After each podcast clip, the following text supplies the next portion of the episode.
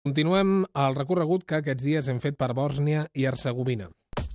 Projecte Explica Europa a Europa amb el suport de la Comissió Europea.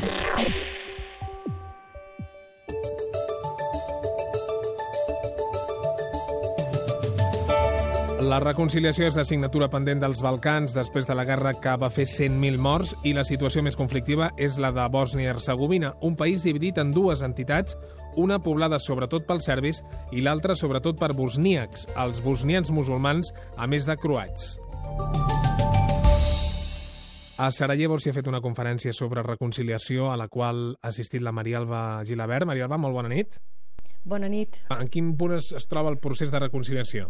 Doncs mira, es troba bastant encallat per diverses raons. D'una banda, pels interessos partidistes, polítics, d'altra banda, per l'economia del país, que és una de les més febles d'Europa, i també l'actual Constitució, la forma com estan organitzades les institucions governamentals a tots nivells, que no faciliten la cohesió social, perquè aquí hi ha tres països en un, un pels bosnians eh, musulmans, un altre pels serbis i un altre pels croats, cadascun amb el seu president, amb els seus parlaments, en fi, una multitud d'institucions eh, per, per atendre les necessitats o per representar en teoria molt bé a cadascun d'ells.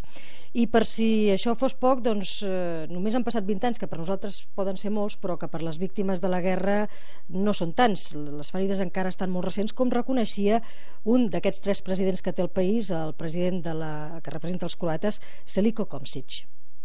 Međunarodni tribunal za bivšu Jugoslaviju... El Tribunal Penal Internacional per a l'ex-Jugoslàvia ha d'acabar la seva feina, però evidentment cap sentència és suficient per les víctimes, ja que no es pot tornar als seus éssers estimats. Per això els polítics hem de jugar un paper essencial i el que poden fer és no posar sal a les ferides. Maria Alba, hi ha alguna diferència en com viuen el procés les noves generacions nascudes després de la guerra?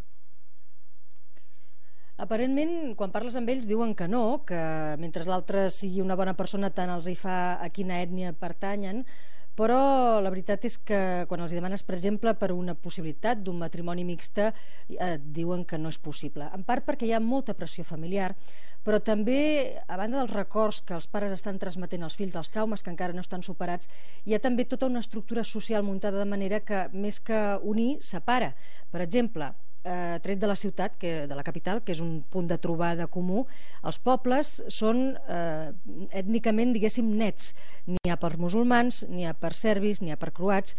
Entre ells no es relacionen pràcticament, moltes vegades perquè el del poble del costat va matar algun familiar teu, i després això fa que, per exemple, els nanos a les escoles tinguin la seva pròpia, fins al punt que en una escola sèrbia s'ensenya amb uns llibres de text diferents, sobretot pel que fa a la història i a la gramàtica, el que es fa servir en una escola musulmana o una escola croata eh, ja us podeu imaginar que això no facilita precisament el que la gent s'acosti, més aviat fa que cadascun eh, s'arraconi més al seu angle, al seu forat, al seu cau i que costi més cada cop de sortir.